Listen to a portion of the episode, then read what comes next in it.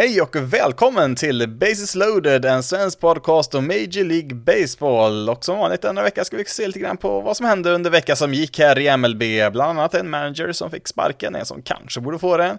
Eh, vi har även lite tråkiga skador tyvärr som har dykt upp. Eller ja, det finns väl aldrig några roliga skador heller, men eh, ja, ett par tunga namn här som blir borta ett bra tag här. Eh, Eh, ska vi kolla lite grann om det finns något att se på TV. Kan man skvallra om att nej, det finns inte så jättemycket bra matcher om man ska vara helt ärlig att se på den här veckan. I alla fall inte på bra sändningstid, men eh, det finns väl en ganska hygglig match där på onsdag som jag har tänkt att göra till veckans match då för Basis loaded, alltså där man eh, kan komma in och snacka lite i Discord-servern som finns eh, upplagd numera. Jag kommer lägga in länken i beskrivningen. Eh, jag testade ju på det för första gången i torsdags och det var några som dök upp där och en ganska trevlig kväll där att sitta och snacka lite grann till eh, det var ju Dodgers eh, mot White Sox vi snackade till där då, så att eh, ja, mer om det senare som sagt. Eh.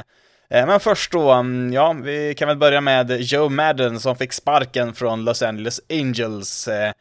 Jag tycker väl det var lite oväntat så, det var väl kanske inte helt chockerande så här i efterhand, men Eh, visst, Angels eh, hade väl, eh, de hade väl förlorat 12 i rad när han fick sparken där till slut. Eh, det såg ut som att det skulle kunna bli en ganska bra säsong för Angels ändå. Kanske inte så att de skulle kunna hota Astros i toppen av divisionen, men eh, såg ut som att, ja men de kanske, de kanske får att, eh, får att stämma för en gångs skull här. De har ju, har ju haft vissa spelare som varit riktigt, riktigt bra, sen har det tyvärr inte varit riktigt tillräckligt då. Framförallt på pitching-sidan som inledde säsongen eh, oväntat bra och det, det ser väl nu kanske att det slår tillbaka lite grann då, kanske, ja, lite väl mycket då. Jag menar, det vart väl upp mot en 14 raka förluster till slut innan man lyckades vinna igen. Eh, vi behöver ju bara gå tillbaka till, ehm, ja, 24 maj, alltså bara för tre veckor sedan. Då hade Angels ett record på 27-17. En match var man då bakom Astros i tabellen, så då var man verkligen hack i häl där och sen så var man ju faktiskt på slutspelsplats då, hade ju 3,5 matcher marginal ner till eh, de som jagade bakom där i, på sista wildcard-platsen, så att det såg ju faktiskt ganska bra ut. Eh, istället då idag, 13 juni när jag spelar in, då har Angels ett record på 29-33, alltså med god marginal under 500 och eh, är nio matcher bakom Astros. Till och med Rangers som hade en väldigt tung start på säsongen har ju gått förbi här eh, i en halv match för Angels. För övrigt Angels tre och en halv match bakom eh, Eh, sista wildcard-platsen, så att den, den är ju inte borta på något sätt. Eh, nu trodde jag väl inte att Angels skulle gå förbi Astros eh, ändå då, i alla fall när vi summerar säsongen här eh, i American League West. Eh, det har inte varit något annat än ett totalt fritt fall för Angels de senaste veckorna. Det finns ingen annat sätt att beskriva det här på.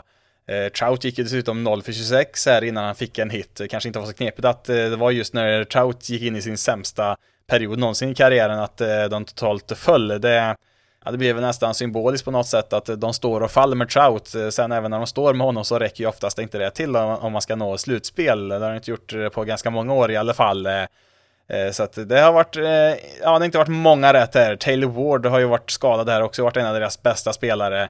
Ja, Trout gick ju av i helgen här, någon match hade väl någon känning i ljumsken, skulle förhoppningsvis inte vara något värre, men han har inte spelat på några dagar så att Nej, det blev till slut för mycket här för eh, Angels ledning som då sparkar Joe Madden eh, eh, ganska tidigt här på säsongen. Jag har haft två stycken managers som fått sparken, båda med förnamnet Joe, så att jag vet inte om det finns något eh, sammanband där mer än så, men eh, ja, eh, både Girardi och Madden är ju borta, två av de mer rutinerade managers som vi har i MLB just nu. Det är, det är väldigt många relativt nya managers just nu. Det är väl inte Eh, alltså managers har väl kanske inte riktigt den rollen de en gång hade. Eh, har inte, absolut inte lika mycket att säga till om. Eh, utan nu är det ju mer ett, ja vad ska man säga, ett större samarbete mellan lagens front office och lagens manager. Eller ja, de är väl en enhet egentligen. Sen visst, managern har väl viss frihet att ha vissa beslut, men Ofta har man ju pratat ihop sig tillsammans om hur man ska lösa olika situationer och vilka spelare som eventuellt är tillgängliga ur en bullpen eller inte och sådär.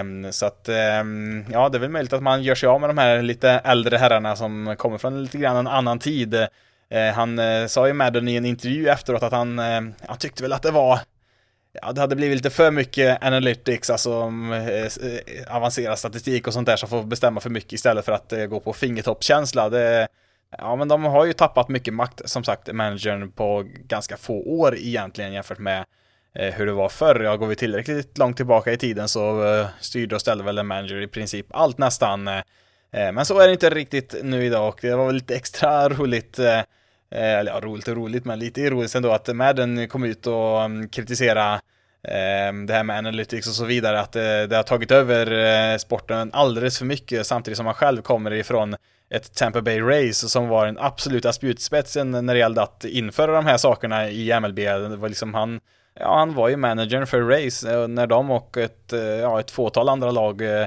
var pionjärer i att införa ett helt nytt synsätt på hur man ska spela baseball i MLB. Någonting som alla lag sedan dess har infört. Ja, kanske inte Rockies då, inte fullt ut i alla fall, jag vet inte riktigt vad de sysslar med där, men i stort sett alla lag håller på med det här nu för tiden.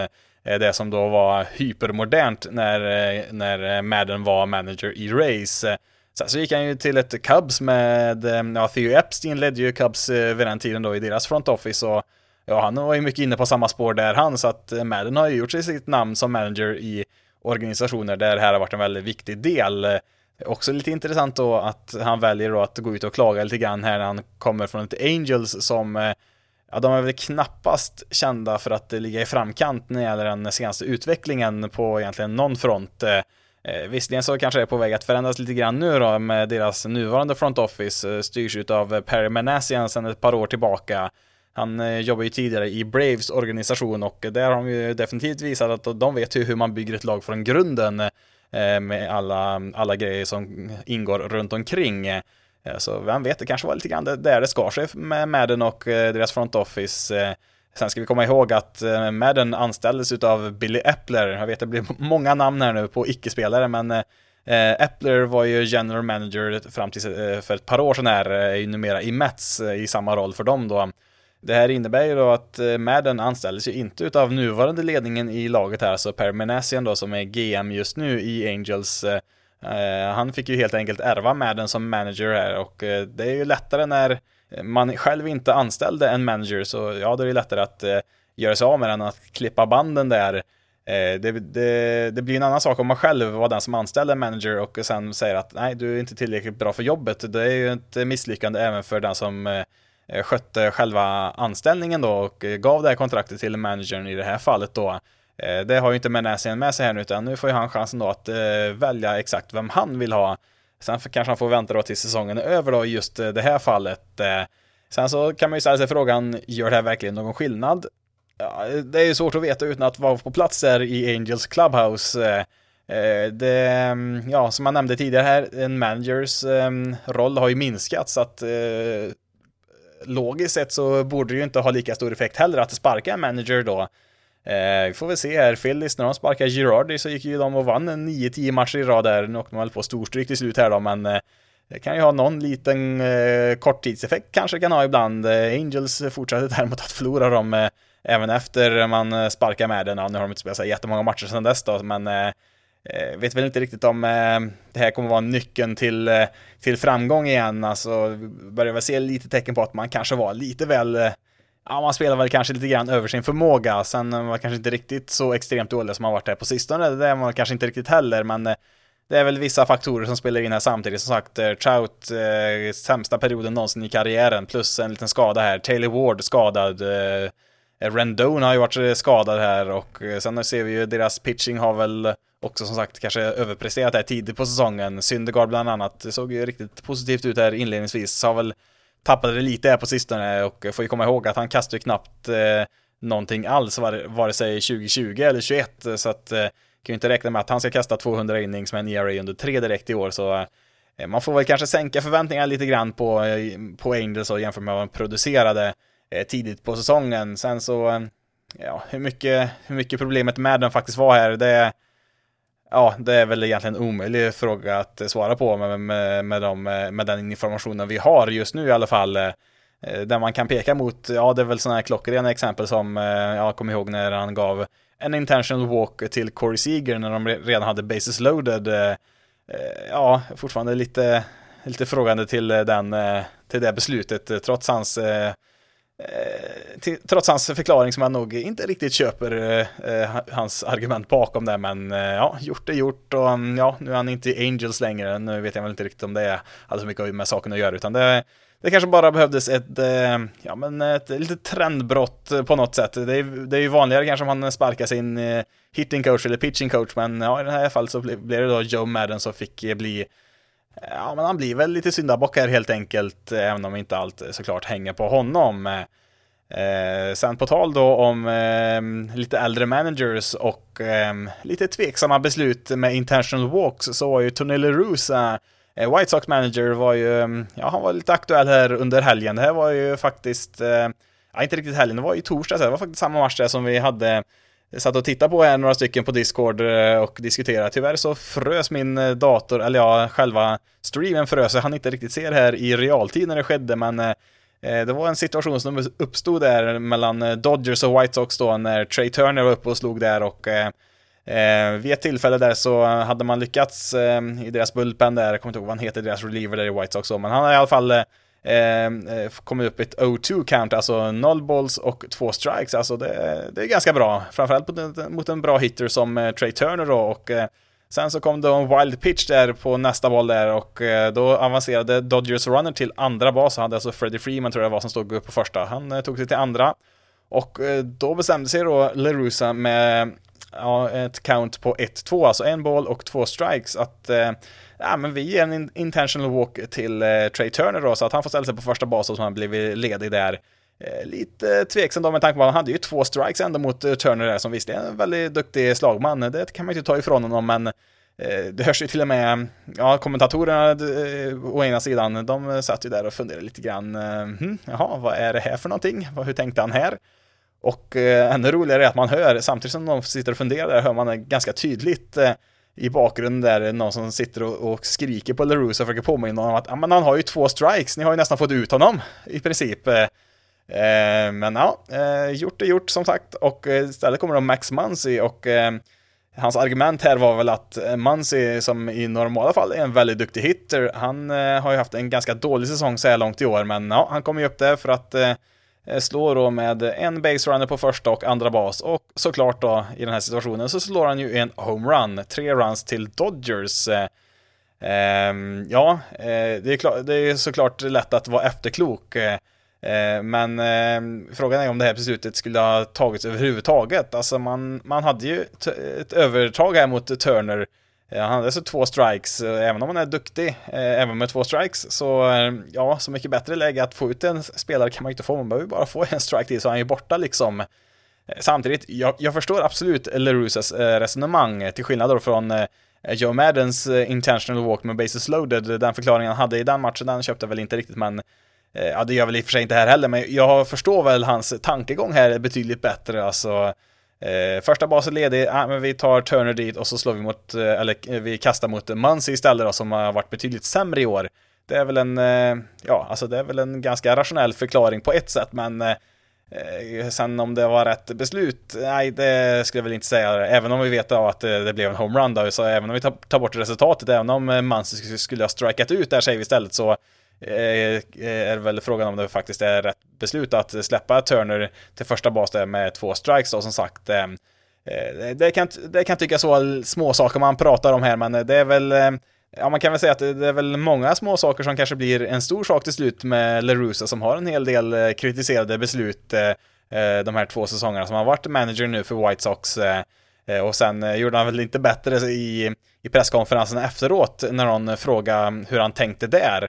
Och då blev han ju nästan, liksom, eh, ja han ble, blev väldigt eh, taggarna utåt och eh, nästan lite arg så här, liksom, vågar du ifrågasätta mig, Hall of Fame-managern här? Ja, kanske inte riktigt så, men eh, han var ju ganska aggressivt, eh, högg han tillbaka där och liksom tänkte, alltså är, är det ens en fråga om eh, det här var rätt beslut eller inte? För honom så var det helt självklart. Det fanns ingen som helst tvekan enligt honom själv att de skulle göra så här. Sen så var det ett olyckligt resultat av just den här gången då.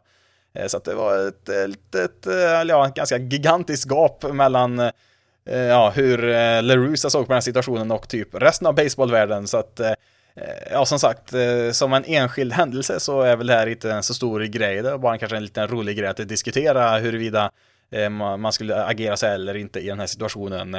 Eh, men eh, det har ju varit eh, flertal sådana här grejer som, ja som, som sagt om man lägger ihop alla de här små sakerna som LaRusa har hållit på med de senaste, ja det är väl lite över ett år han varit manager här nu så Ja, då kan man ju ställa sig frågan, är han verkligen rätt man på jobbet här i White Sox? Har ju framförallt i år har man ju underpresterat så här långt, har inte gått bra alls. Trea i divisionen, sex matcher är de bakom Twins och Mest uppseendeväckande är ju deras run differential, alltså de har minus 56, alltså man kan jämföra det med plus minus statistik. Alltså de har tillåtit 56 eh, fler runs än vad de har producerat själv. Och eh, kollar man på um, expected win-loss, alltså hur många matcher man förväntas att eh, vinna och förlora, baserat då på hur många runs man själv slår in mot hur många man tillåter. Och kollar man där så skulle White Sox ha ett eh, record på 23-35. Eh, de skulle alltså ha fyra färre vinster än vad de redan har. Eh, det betyder ju då att eh, enligt den formen så har de faktiskt överpresterat och ändå då varit ett, ja, en av de stora besvikelserna så här långt i år.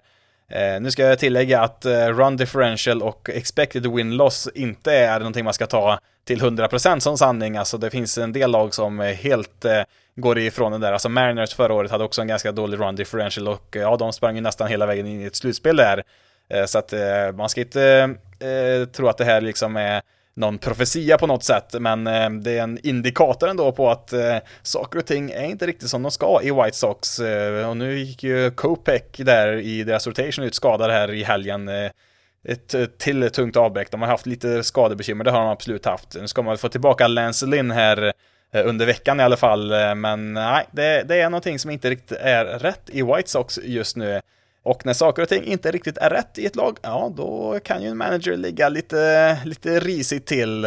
Så vi får väl se här då om Tony LaRusa får behålla jobbet och eh, då får vi kanske då vända blicken mot eh, ja, ytterligare en general manager. Jag tror att jag har nämnt så här många i ett avsnitt och i, i White Sox då är det Rick Hahn som har den eh, positionen och Eh, vad säger han då om det här? Eh, ja, det har jag inte kollat upp, men eh, oavsett vad han tycker och tänker så har han nu uppskattningsvis ungefär cirka 0% eh, beslutsrättigheter i eh, just fallet med Tony LaRusa, för han har inte anställt LaRusa som manager, trots att han hade den här positionen även när LaRusa fick jobbet. Det är nämligen Rick Hans chef, Jerry Reinsdorf, som äger White Sox. Det var nämligen han som anställde Eh, Tony LaRusa förra året. Alltså han gick över huvudet på den personen som han anställt för att eh, eh ta hand om att värva spelare och fixa coacher och managers, utan nej, här gick eh, ägaren själv in och sa att LaRusa, han ska vi ha. Och det var väl någonting med att han ångrar Reinsdorf då, att han sparkade honom någon gång på 80-talet när han var ny ägare.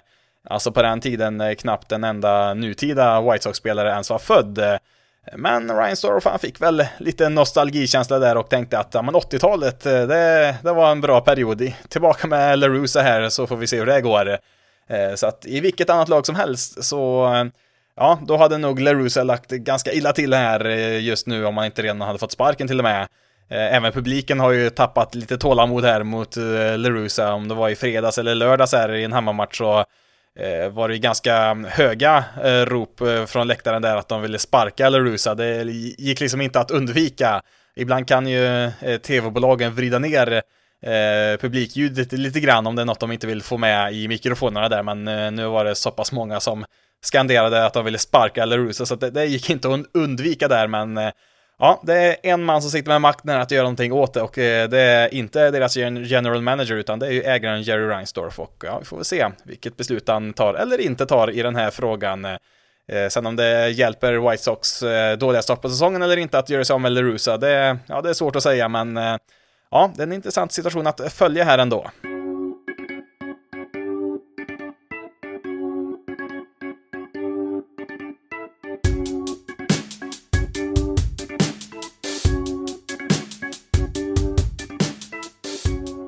Vi fortsätter med lite tråkiga, eller faktiskt väldigt tråkiga nyheter på två unga lovande potentiella superstjärnor i Casey Mice och Royce Lewis. Eh, två spelare som, som gick som nummer ett i sina respektive drafter, Mice 2018 och Lewis 2017. Eh, båda två är ju skadade och kommer missa resten av säsongen. Mice har genomfört en eh, en Tommy John-operation, vilket innebär att han eh, missar hela den här säsongen och troligtvis hela nästa säsong, kanske i bästa fall kanske kommer tillbaka i slutet på nästa år. Eh, Royce Lewis har skadat sitt korsband igen, han gjorde det bara för ett par, tre år sedan. Då missade han ett år och eh, kommer förmodligen att göra det i, igen här då, så att de är ju borta ett bra tag, eh, både Mice och Lewis. Och med den här tråkiga situationen då så tycker jag att eh, det kanske var passande här då, ungefär en månad innan eh, nästkommande MLB-draft, eh, att eh, verkligen eh, visa hur svår just MLBs draft är. Det är också någonting som kräver väldigt mycket tålamod att eh, kunna utvärdera en draft. Det tar många, många år. Alltså Casey Mice som sagt, han draftades 2018, det är ändå ett antal år sedan, men han har ju knappast etablerat sig på MLB-nivå. Ja, det kanske man skulle kunna argumentera med förra året där. Eh, han, eh, han debuterade ju 2020 där under pandemisäsongen, startade sju matcher, gick inte sådär jättebra om vi ska vara helt ärliga, men eh, förra året då så startade han ändå 30 matcher, det är en hel säsong, 150 innings, ERA 3,71. Det, det är inte på någon ace-nivå som man kanske hoppas att han ska kunna bli för Tigers, men det är ändå en ganska bra första helsäsong för en rookie. Eh, det måste man ändå ge honom, ge honom där, Casey Mice. Eh, han startade ju bara två matcher i år innan han blev skadad då, så att eh, där kan vi inte dra så mycket slutsatser kring det, men eh, man kan väl ändå säga att ja, han var väl på gång här då och kanske skulle se 2022 kanske skulle vara säsongen som han på riktigt etablerar sig i en MLB-rotation och kanske helst då som en ett eller en tvåa eh, i Tigers rotation. Eh, så blir det ju inte då, utan han missar ju hela 2022, troligtvis eh, i stort sett hela 2023 och kanske till och med hela den säsongen. Eh, och då, då börjar man ju tänka, hmm, ja, gjorde Tigers rätt här egentligen? Skulle man ha valt kanske den som gick två i draften istället där? Eh, det är som sagt, det är för tidigt än så länge. Majs kan ju fortfarande bli riktigt, riktigt bra. Det är många pitchers som kommer tillbaka efter en Tom John-operation. Det är inte någon dödsdom på något sätt. Men eh, om vi då kollar på draften 2018 Eh, Eh, vem var det som gick som nummer två där? Skulle Tigers ha tagit honom istället? Ehm, ja, eh, tvåa det året, det var Giants som valde Joey Bart, catcher. Eh, han skickades precis ner under veckan till AAA, för han har inte alls lyckats eh, bra på MLB-nivå så här långt, så att eh, det var inte så att det fanns ett klockrent val där som blev en superstjärna på val nummer två.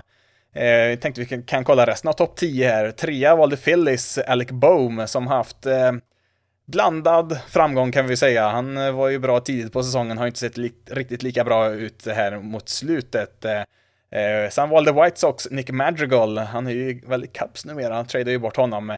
Eh, hade väl en del framgång där tidigt när han kom upp, men har ju inte spelat eh, bra med Cubs i alla fall här nu på sistone. Eh, femte valet, där valde Reds Jonathan India. Han blev ju årets rookie när han kom upp, eh, men han har ju bara spelat 161 matcher så här långt, så det kan vi inte dra så mycket slutsatser kring heller. Alltså det är, inte ens en hel säsong.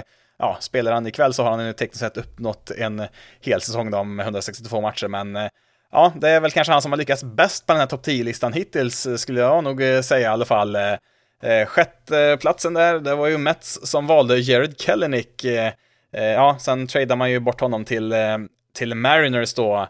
Eh, och där har det ju inte alls gått bra. Eh, är ju väl nere i AAA nu igen. Eh, eh, sjundeplatsen valde Padres Ryan Weathers. Han har väl kastat lite grann i MLB, inte med jättestor framgång och eh, han är väl nere i, i något minor League-system nu igen. Eh, eh på åttonde plats valde Braves Carter Stewart, en pitcher, och har du inte hört talas om honom så är inte det så knepigt, för han har inte debuterat i MLB. Han, eh, han är faktiskt i Japan och spelar. Man gav honom en ganska dålig bonus där från Braves sida. De hittade väl någonting där i någon eh, läkarundersökning de inte tyckte om och eh, så gav de honom en väldigt låg bonus. Eh, Stewart sa nej tack, jag flyttar till Japan istället.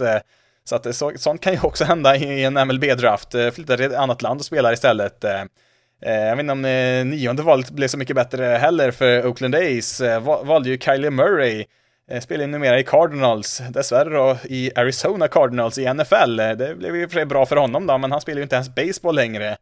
Eh, och sen på tionde platsen då har vi Travis Swaggerty som Pirates valde och han har precis gjort sin MLB-debut här så att det kan vi inte säga, så här jättemycket om eh, nu heller.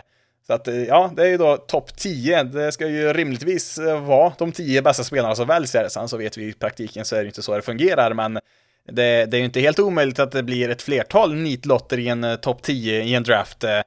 Sen, nu måste vi komma ihåg också att Eh, de här spelarna har ju knappt spelat. Alltså bland de slagmännen här som jag nämnde på topp 10-listan här från 2018 års draft, eh, det är Alec Bohm som har mest speltid. Han har 747 plate appearances. En spelare som spelar varje match eh, hela tiden kommer upp i strax över 700 plate appearances, så att han, har ju, han, han är ju så tidigt på sin karriär. Alla de här är jättetidigt i karriären. Det är möjligt att vi har eh, flera stycken All-stars och kanske till och med en Hall of Famer i den här högen. Det, det vet vi inte än så länge. Eh, Casey Mice kan som sagt fortfarande bli väldigt, väldigt bra och det kan fler av de här spelarna också. Jerry Kellenick har ju varit en av de eh, bäst rankade prospect som vi haft de senaste åren, så att eh, får vänta och se här, här helt enkelt, men det, det, det är ju inte helt lätt, som sagt. Eh, jag tror väl den som har lyckats bäst från draften eh, 2018 så här långt, eh, det är väl Shane McLanahan, i alla fall bland de tidiga draftvalen. Han, ja, han gick ju faktiskt i en sån här kompensationsrunda efter första rundan, alltså alla lag hade chans att välja McLanahan innan Race valde honom där eh, som val typ 31-32 där någonstans. Eh, han är väl den som har lyckats bäst än så länge, men det kan hända mycket de närmaste åren. Och ja, det är lite grann samma sak om vi kollar på Royce Lewis då. han Eh, han hade väl, har väl inte riktigt eh, spelat ehm, så mycket som, eh, som Casey Mice och han är ju inte alls etablerad. Han debuterar ju i år. Han har ju bara spelat i 12 matcher. Gjort det väldigt bra i och för sig då. Och även spelat väldigt bra i AAA då när han gjort det. Så att det var lite extra synd när han startade säsongen så här riktigt bra här med, med Twins. Eh, men eh, som sagt, då, han gick ju också etta i draften 2017 då, alltså året innan. Och hur ser det ut där då? Där har vi i alla fall ett extra år att eh, göra någon, någon form av bedömning på. Och eh, efter eh, Twins valde Lewis då, så valde Reds Hunter Green, eh, starting pitcher. Han har gjort sin debut i år, pratade lite om honom eh, i ett par tidigare avsnitt. Har ju blandat, blandade resultat så här långt. Har ju kastat bättre här på sistone, får vi säga. En annan starting pitcher gick trea, Mackenzie Gore, till Padres. Hade en hel del strul med hans utveckling här under ett par år, men har ju kommit upp här nu och debuterat i år och gjort det riktigt bra.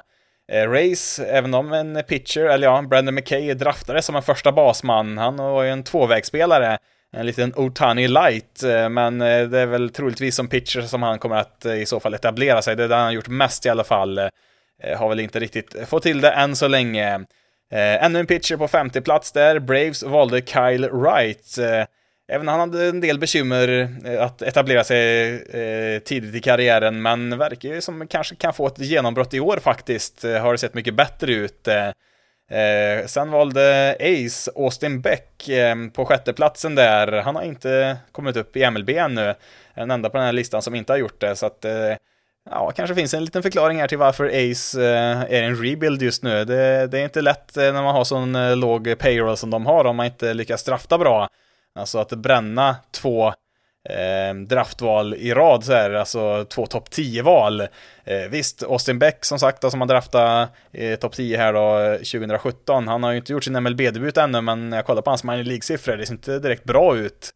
Och sen då året efter, då, 2018 då, på eh, på val 9 välja Kyler Murray som eh, ja, inte ens eh, spelar sporten längre så att eh, Nej, det blir tufft med, för lag som Ace att eh, konkurrera om, eh, om man draftar som de, som de gjorde här. Sen kan man ju såklart hitta en och annan eh, duktig spelare även längre ner i draften såklart, men eh, är man ett lag som Ace då behöver, man, då behöver man ha bättre träffsäkerhet när man draftar så här högt än vad de hade här 2017-2018.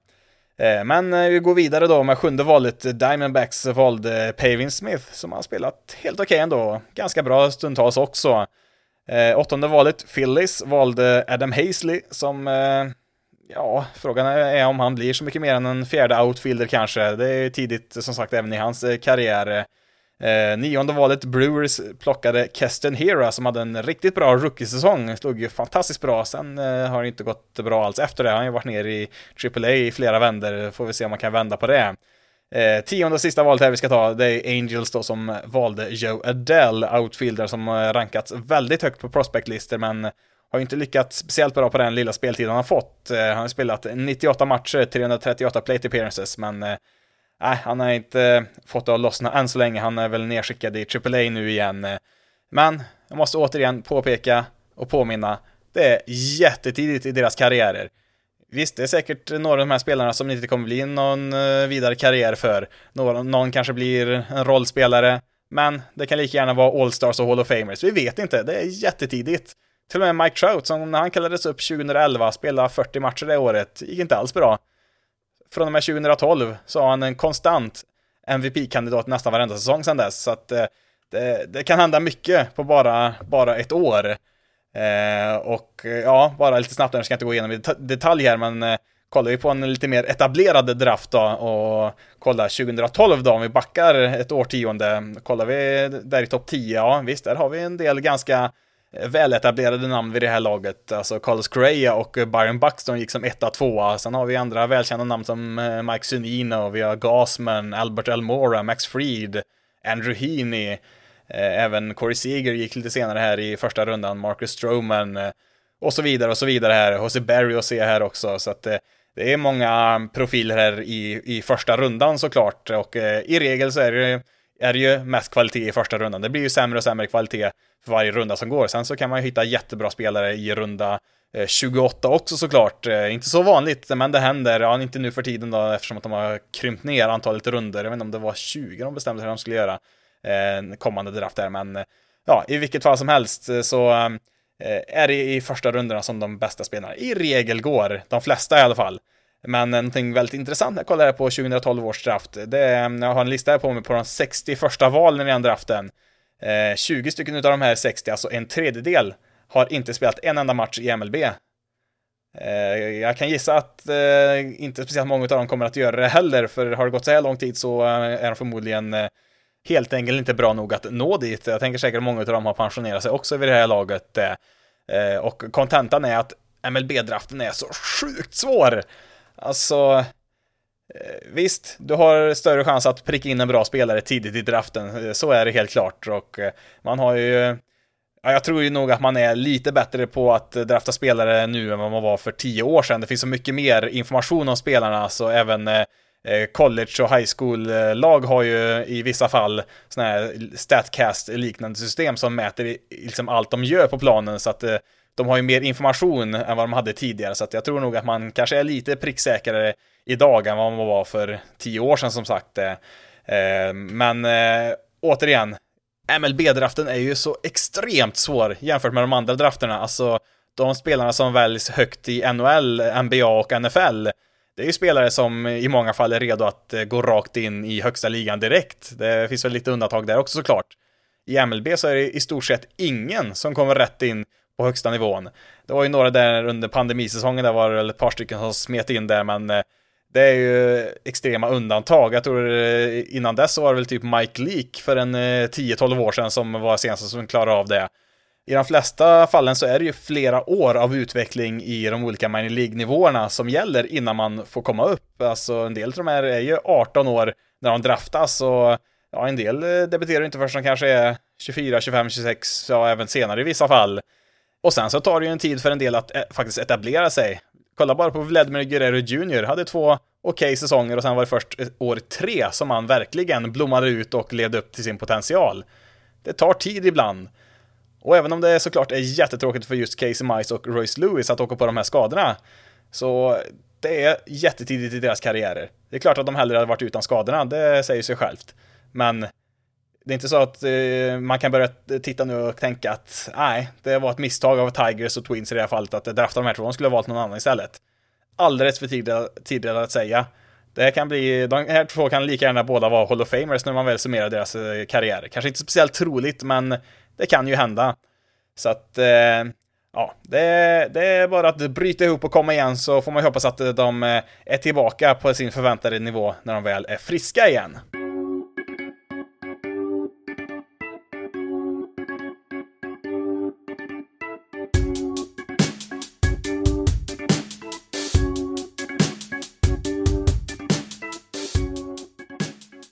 Då ska jag snabbt eh, bara ta lite tv-rekommendationer här och eh, det kommer gå snabbt för det var inte många bra eh, möten faktiskt om jag ska vara helt ärlig den här veckan. I alla fall då när jag kollar på de tidiga matcherna. Det är väl egentligen en match jag vill lyfta lite extra här. Yankees Blue Jays på lördag. Startar klockan 9 enligt MLB TV. Sen sänder Viaplay även den här matchen, men de har starttid klockan 8, så det får man väl ha lite utkik på vad som stämmer. Jag skulle visa på att MLB TV har lite bättre koll där, men ja, värt att ha koll på som sagt. Yankees Blue Jays, intressant möte där. Eh, på lördagen som sagt. Annars så var det rätt klent faktiskt. Sen på söndag så är det ju många tidiga matcher där och det, ja, det var inte så jättemånga roliga topplag mot varandra faktiskt eh, eh, den här veckan. Men det finns ju mycket att se på det, framförallt på söndagen då. Sen så har vi då veckans match då som jag redan skickat ut på diverse sociala medier. Alltså det är inte så att jag tycker att den här matchen just som jag valt ut, Rangers mot Astros här på onsdag klockan åtta, att det är den bästa matchen på hela veckan. Det är inte det veckans match innebär här i Basis loaded, utan det är en, eh, en eh, vardagsmatch som går på bra svensk tid som så många som möjligt ska kunna se på. Eh, alltså antingen en match som visas gratis på MLB TV eller via Play. Ja, även YouTube-matcherna är ju gratis om man kan få in någon av dem. Men just den här matchen då på, på onsdag då, klockan åtta, Rangers mot Astros visas eh, gratis på MLB TV, alltså de visar ju en gratis match varje dag som du kan streama även om du inte har ett eh, betalt konto på MLB TV. Allt man behöver ha då är att eh, ha ett registrerat konto på på mlb.com, alltså bara registrera användarnamn och eh, e-postadress, så är det liksom klart sen, eller ja, det är inte ens eh, användarnamn tror jag, det är bara e-post och lösenord du behöver det, så att då kommer du in där och kan se eh, de här gratismatcherna och kunna streama, i det här fallet då Astros eh, mot Rangers, eh, eh, inget riktigt toppmöte, eller ja, det är ju ettan mot tvåan i AL West är det ju, men eh, Rangers är ju åtta och en halv match bakom efter sin tuffa start, men de har ju gått bättre på slutet. Ja, de har ju i och för sig förlorat sex av tio här då, de senaste tio, men eh, de har ryckt upp sig i alla fall och har väl fortfarande möjlighet att nå slutspel. De är tre matcher bakom tredje wildcard-platsen. Eh, och ehm, som vi gjorde då i torsdags eh, när vi hade den veckans match eh, så kommer vi finnas i Discord-kanalen, lägger inbjudan där till den i beskrivningen på avsnittet. Och vi var ju några stycken i torsdags som sagt som satt och snackade till den veckans match då, White Sox mot Dodgers, sen så satt vi faktiskt och tjuvkikade lite grann på andra matcher samtidigt också, så att det är inte så att man slaviskt måste följa Eh, precis eh, just den här matchen då. Sen behöver man väl inte kolla på matchen heller om man inte vill det. Man bara vill sitta och, med och snacka lite ah, MLB i allmänhet som det blev där eh, i torsdag så. Väldigt trevligt och hoppas att eh, kanske dyker upp några nya eh, röster också så är ni varmt välkomna i alla fall. Eh, sen så kan man ju faktiskt delta bara via textchatt också. Det kan man göra i samma rum där, både röst och textchatt. Eh, det var ju någon som gjorde det också. Så man kan ju bara komma in och sitta och lyssna på när vi pratar och sen kommunicera själv via text. Det, det funkar det med. Det är liksom samma rum för allting där som, som vi finns i. Så att eh, man kan delta på, ja, som man själv vill helt enkelt i det hela om man är intresserad. Och kan ju kanske bara komma förbi och säga hej och vara bara där en kort stund. Det funkar alldeles utmärkt det också. Fungerar på både dator och på mobil. Eh, funkar jättebra båda två. Jag satt vid datorn, det funkar bäst för mig, men det är olika vad olika personer föredrar. Så att som sagt, man kan delta på väldigt olika sätt och hur mycket eller hur lite man vill. Och som sagt, eh, har du bara en stund så, ja, man kom förbi ändå och säg hej och kanske presentera dig lite snabbt. Det är kul att träffa andra MLB-fans här i Sverige. Det är inte så jättemånga utav oss, så att eh, ni är varmt välkomna att komma med här på onsdag och kan inte då så, ja, det blir säkert fler gånger här under sommaren också. Har väl som målsättning att kunna göra det här en gång i veckan. Får vi se hur det blir här under sommaren, men ja, jag hoppas att vi hörs då och, och gör vi inte det då så kanske det blir någon annan gång framöver i sommar. Vi rundar av här med veckans bästa och sämsta, men först ska vi ta veckans statistik och här plockar vi in Aaron Judge. Eh, leder ju ligan i homeruns med 24 stycken. Det är ganska svårt att undvika Judge just nu. Alltså han är ju på ett uppdrag här att dels eh, vinna en MVP-titel och eh, även spela till sig ett enormt kontrakt. Eh, och ja, han har kommit en bra bit på vägen på båda två kan vi ju säga. Eh, som sagt 24 homeruns har han slagit så här långt i år. Eh, tvåan i MLB är Peter Alonso, 18 har han slagit, så det är en enorm ledning han har. Eh, och eh, när jag satt och räknade på de här siffrorna i helgen, nu kan väl de här kanske vara något utdaterade de här siffrorna med någon dag, men eh, om man fortsätter i samma takt kommer jag fram till att eh, eh, kommer han hamna på 67 homeruns. Det är ungefär den takten han är på just nu om man skulle spela då alla matcher som är kvar, eller ja, nära därtill i alla fall. Och slå lika mycket homeruns per match som han har gjort. 67 stycken. Det är... Man brukar väl säga att 50 är en bra, riktigt bra gräns. 60 är drömgränsen. 67, det är bara två stycken någonsin som har slagit fler än 67. Mark McGuire gjorde det, var väl 98 där, när han kom upp i 70. Och eh, Barry Bonds gjorde det 2001, han kom upp i 73. Sen är det ingen som har noterat eh, 67, så att eh, det är väl någonting att följa där om man eh, verkligen kan vara så här bra hela året ut. Eh, det är inget som man har lyckats stoppa honom än så länge. Eh, jag skulle väl eh, kunna tänka mig att 60, det är inte, det är inte omöjligt. 67, ja, lite pessimistiskt än så länge, men han visar ju inga tecken på att sakta ner än så länge. jag nämnde ju förra avsnittet att rekordet i Yankees, det är ju 61, har ju Roger Maris Eh, från, ja, det var väl nog från 60-talet tror jag han stod där.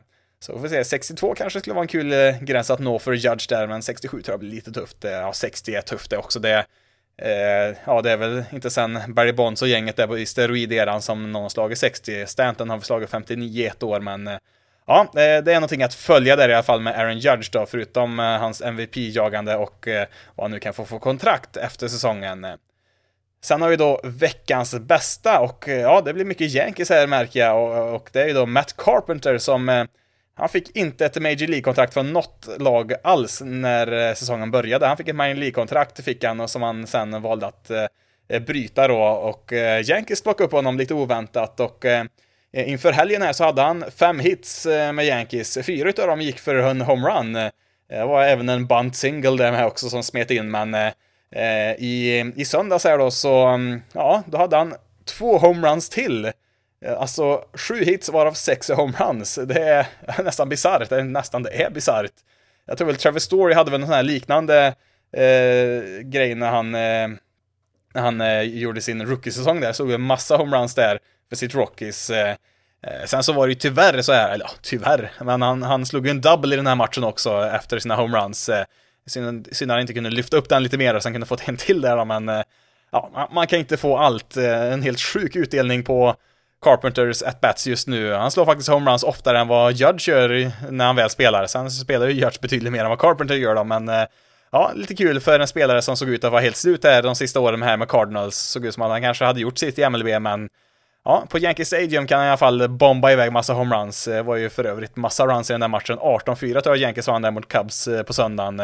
Eh, kom in någon eh, position play där för, eh, för Cubs att kasta jag kommer inte ihåg vem det var, men han kastade en boll som registrerades på 35 miles per hour.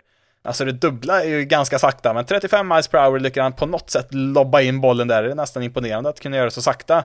Och det var faktiskt, ja den bollen slogs iväg för en homerun då, och det var faktiskt den, den slöaste bollen, alltså den bollen med minst hastighet kastad från pitchen Eh, som resulterade i en homerun som man då har kunnat uppmätt med Statcast. Så att, eh, ja, ett litet rekord här då i eh, 18-4 matchen där mellan Yankees och Cubs. Eh, ja, just det, får inte glömma bort här också hela anledningen till att jag först hittade in med Carpenter här i veckans bästa och ja, det blir väl kombinerat med veckans statistik här med mycket siffror här, men eh, eh, det, det, passar väl bra när det är två Yankees-spelare här med Judge och Carpenter.